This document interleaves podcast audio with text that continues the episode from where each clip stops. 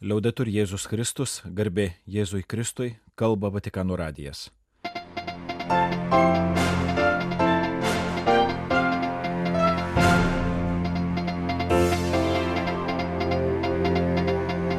Malonus klausytojai šioje programoje. Trečiadienio katechezė. Evangelizuoti ir liūdėti. Nauja erdvė palaimintojo Teofiliaus Matulionio relikvija priglobusioje Romos bazilikoje manipuliavimas žmogaus kūnu turi turėti ribas.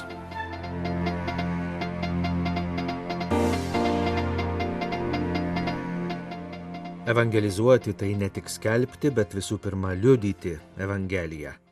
Apie šią taisyklę popiežius Pranciškus kalbėjo trečiadienio, kovo 22 rytą Šventojo Petro aikštėje vykusios bendrosios audiencijos dalyviams.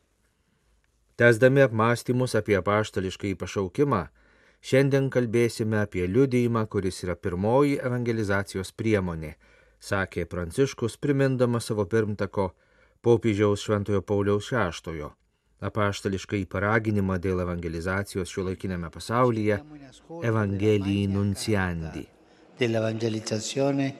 Nel mondo contemporaneo. L'esortazione apostolica Evangeli nunzianti di San Paolo VI. Šiame dokumente Paulius VI užduoda tris klausimus, į kuriuos kiekvienas iš mūsų turėtų atsakyti. Ar tikime tuo, ką skelbėme? Ar gyvename tuo, kuo tikime? Ar skelbėme tai, kuo gyvename? Evangelizacija yra kur kas daugiau nei vien mokymo turinys ar moralinė žinia. Evangelizacija, sakė Pranciškus, pirmiausia yra asmeninio susitikimo su Kristumi įsikūnijusių žodžių liudijimas. Skelbti Evangeliją tai kalbėti ir liudyti Dievą, kuris yra mums pažįstamas ir artimas. Pranciškus priminė garsėje Pauliaus šeštojo frazę, kad mūsų laikų žmogus mieliau klausosi liudytojų negu mokytojų, o jei klausosi mokytojų, tai todėl, kad jie yra liudytojai. Liudėjimas, pakartojo Pranciškus, tai to, ką žmogus tiki, ką skelbia ir kuo gyvena atitikimas. Kad mūsų žodžiai būtų įtikinami, negana tik kalbėti apie tikėjimo tiesas, bet reikia darnos tarp to, kuo tikime ir to, kaip gyvename. Tanti cristiani soltanto dicono di credere ma vivono di un'altra cosa, come se non fossero. E questo è ipocrisia. Pasak popiežiaus šiandien dėja labai daug krikščionių sako, kad jie yra tikintys, tačiau gyvena kažkuo kitu. Ir tai yra veidmainystė. Kiek kartų esame matę, kad žmogus sekmadieniais dalyvauja mišiuose, o paskui gyvena su tikėjimu nederantį gyvenimą. Liudėjimo priešingybė yra veidmainystė. Liudyti tikrą krikščionišką gyvenimą reiškia eiti šventumo keliu. Pašaukimas eiti šiuo keliu Tai Dievo dovana skirta ne tik nedaugeliu išrinktųjų, bet visiems. Šventasis Paulius VI mus moko, kad be šventumo mūsų skelbiami žodžiai neprasiskverps į šio laikinių žmonių širdis. Bergždžios bus mūsų pastangos, jei evangelizuosime ne gyvenimu, o tik žodžiais. Pasak Pranciškaus, taip pat nevalia pamiršti, kad evangelizacijos darbą turime pradėti nuo savęs pačių. Norėdama evangelizuoti pasaulį, bažnyčia turi visų pirma evangelizuoti save, eiti nuolatinio atsivertimo ir atsinaujinimo keliu, būti visada atsigręžusi į Dievą ir į žmonės. Evangelizuoti save ir pasaulį - tai įsileisti į save šventąją dvasę, kuri yra pagrindinė evangelizacijos veikėja. Senza lo Spirito Santo noi soltanto potremo fare pubblicità della Chiesa. Be šventosios dvasios galėtume tik reklamuoti bažnyčią, bet ne evangelizuoti.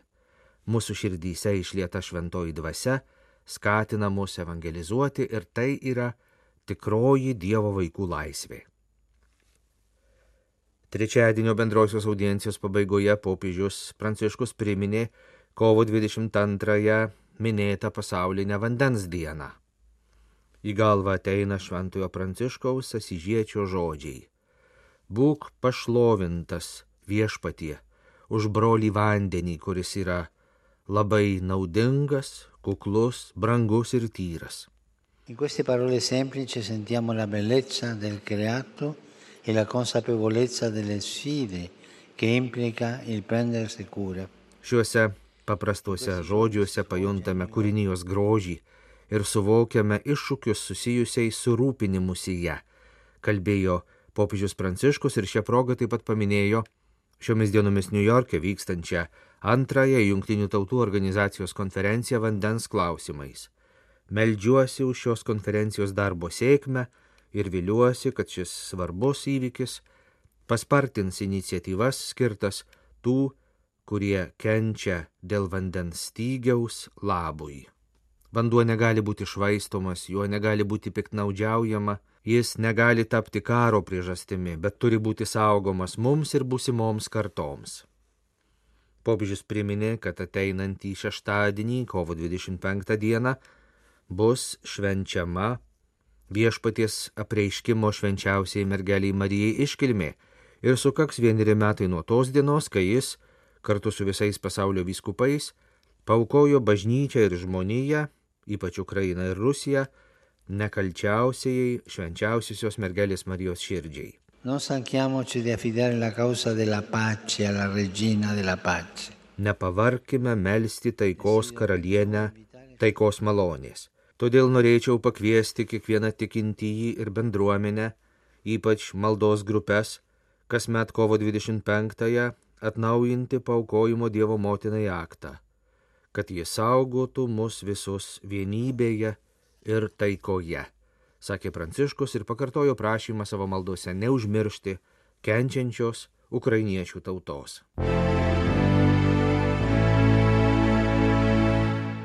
Yra galimybė įsteigti Konstantinopolio patriarchato egzarchatą Lietuvoje. Kovo 21 dieną pasakė Vilniuje viešintis patriarchas Baltramiejus. Tai jis pareiškė pasirašęs susitarimą dėl glaudesnio bendradarbiavimo su Lietuva. Lietuvos vyriausybės vardu susitarimą pasirašė premjerė Ingrida Šimonytė, svečia taip pat prieėmė Lietuvos prezidentas. Vilniaus ir Lietuvos ortodoksų arkivyskupija, kuriai šiuo metu vadovauja arkivyskupas Inokentijos, priklauso Maskvos patriarchatui. Tačiau patriarchato užimta pozicija Rusijos agresijos prieš Ukrainą klausimų sukėlė prieštaravimų. Apie tai liudija penkių Lietuvos ortodoksų kunigų, kuriuos arkivyskupas Inokentijos pašalino iš kunigų luomo, o patriarchas Baltramiejus sugražino į kunigų tarnystę ir paėmė savo globon atvejais. Pasak patriarcho Baltramiejaus, naujos Konstantinopolio patriarchatui pavaldžios bažnytinės struktūros įkūrimas atlieptų tiek dvasininkų, tiek Lietuvos ortodoksų tikinčiųjų lūkesčius. Lietuvos premjerė savo ruoštų sakė, kad tokia galimybė būtų svarbi ne tik ortodoksams Lietuvos piliečiams, bet ir ukrainiečiams, pabėgusiems nuo Rusijos sukelto karo, bei baltarusiams, kurie Lietuvoje rado prieglopstį nuo represijų savo šalyje. Trečiadienį kovo 22 dieną patriarchas Baltramiejus dalyvavo Lietuvos Respublikos Seime vykusioje konferencijoje. Kalbėdamas per konferenciją patriarchas sakė, kad šiuo metu prieš Ukrainą vykdomos agresijos kontekste matome ir Maskvos patriarchato ketinimą atimti iš Konstantinopolio dvasinę lyderystę tarp ortodoksų. Maskva tai daranti nuo pat 1453 metų, kai žlugo Bizantijos imperija. Dėl to reikia ryštingai pasipriešinti religijos naudojimui politiniams tikslams. Tačiau akivaizdu, kad šiandien visų pirma reikia užbaigti karą Ukrainoje, visiems ryštingai veikiant ir pasitelkiant solidarumą. Konferencijoje dalyvavęs Vilniaus arkivyskupas Gintaras Grušas, kalbėdamas apie agresiją prieš Ukrainą, pažymėjo, kad ypatingai didelį susirūpinimą kelia tai, kad karo naratyvą nuspalvino religiniai motyvai. Tačiau, pasak arkivyskupo, guodžia daugelio taiką mylinčių žmonių poziciją. Savo pranešime arkivyskupas priminė popiežiaus Pranciškaus ir patriarcho Baltramėjaus žodžius smerkiančius karą, taip pat paminėjo krikščionių bendradarbiavimą, stengiantis padėti karo baisumus kenčiantiems žmonėms, šias pastangas pavadindamas gailestingosios meilės ekumenizmu. Ekumenizmas turi įkūnyti pašaukimą įveikti bet kokį karo naratyvą. Jėzuje, kuris yra kelias tiesa ir gyvenimas, skirtumai yra išgydomi. Būtent jo žodžio skleidime randame jėgų susitaikyti net ir su priešais. Ir nepaisant tūkstančių sunkumų, kurti teisingesnį pasaulį, kalbėjo arkivyskupas Ginteras Grušas.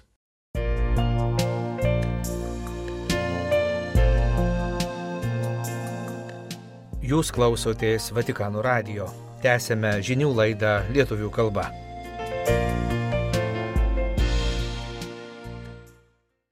Kovo 23 dieną Romos Šventojo Baltramėjaus bazilikoje Tiberio saloje, skirtoje 20 ir 21 amžių totalitarinių režimų ir kitų persiekėjimų kankiniams, atveriama nauja ekspozicijų erdvė jos tūkstantmetėje kriptoje. 2018 m. vasario 6 bazilikoje iškilmingai padėta ir palaimintojo vyskupo Teofiliaus Matulionio relikvija.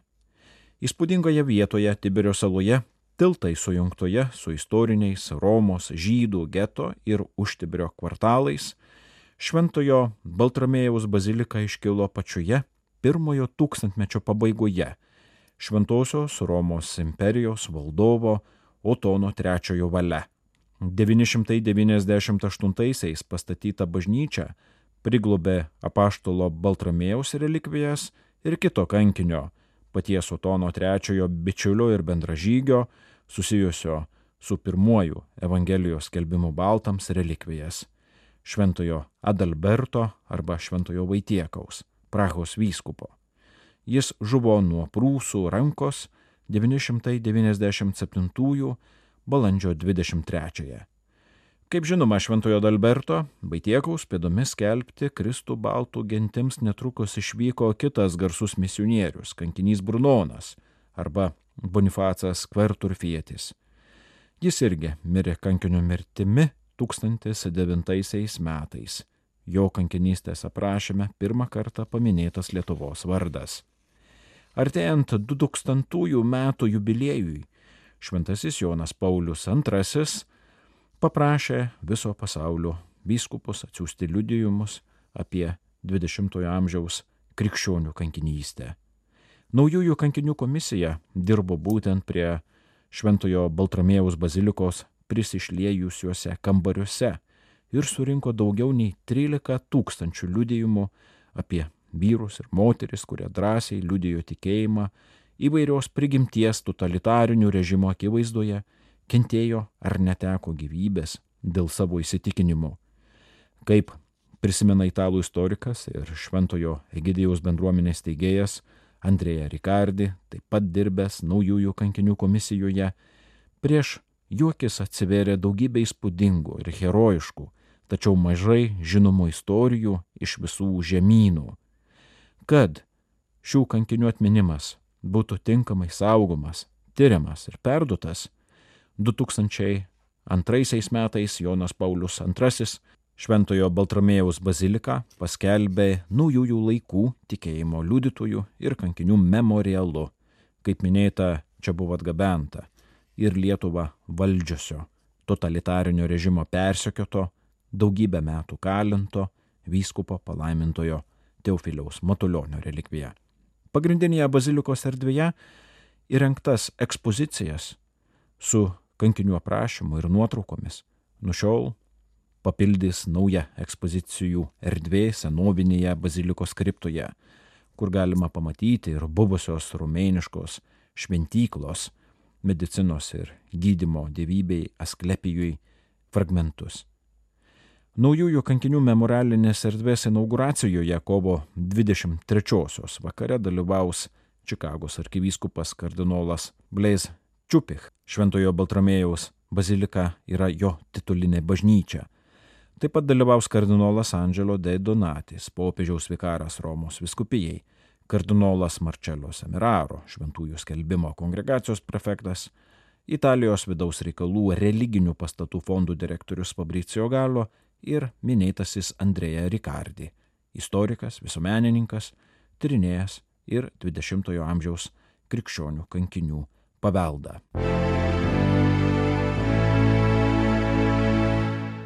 Junktinių Amerikos valstijų biskupų konferencijos tikėjimo doktrinos komitetas paskelbė doktrininę notą apie žmogaus kūno technologinių manipulacijų moralinės ribas, kuriame po konsultacijų su medikais medicinos etikos žinovais, psichologais ir teologais, pateikė savo poziciją aktualių klausimų, kurios svarba ateityje dar didės.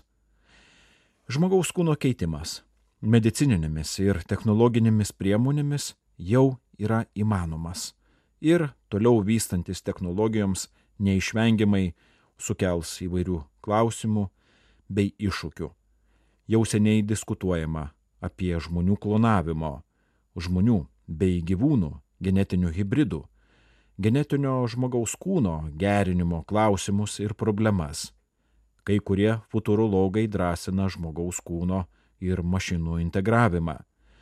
Žmonių kūnai jau keliolika metų keičiami ir dėl to, kad asmenys nenori tapatintis su savo biologiniu kūnu. Požiūriai nesutampa.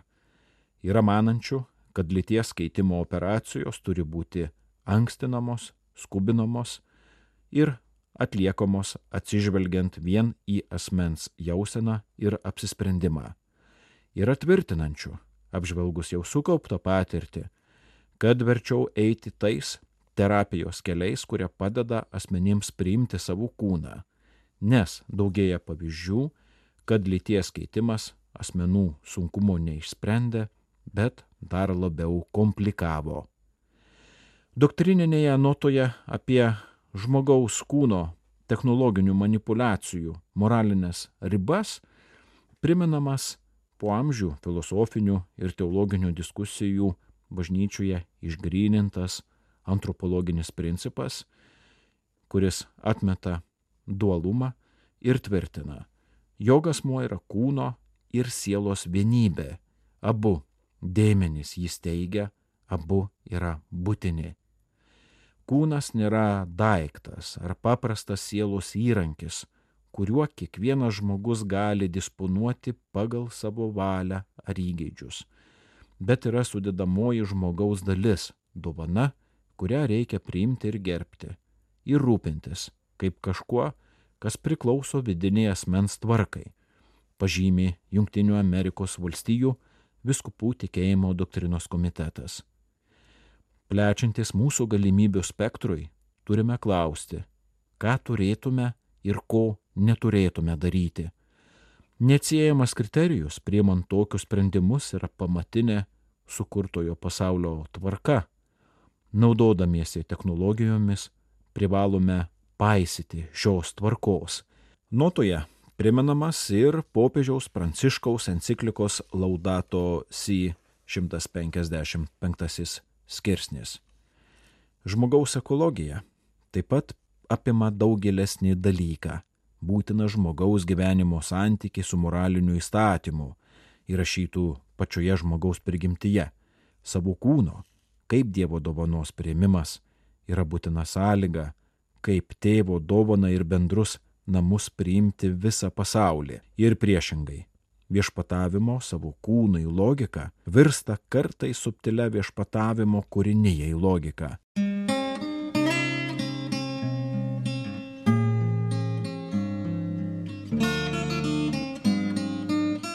Kalba Vatikano radijas. Laidą lietuvių kalba baigėme. Garbėjai Jėzui Kristui, laudetur Jėzus Kristus.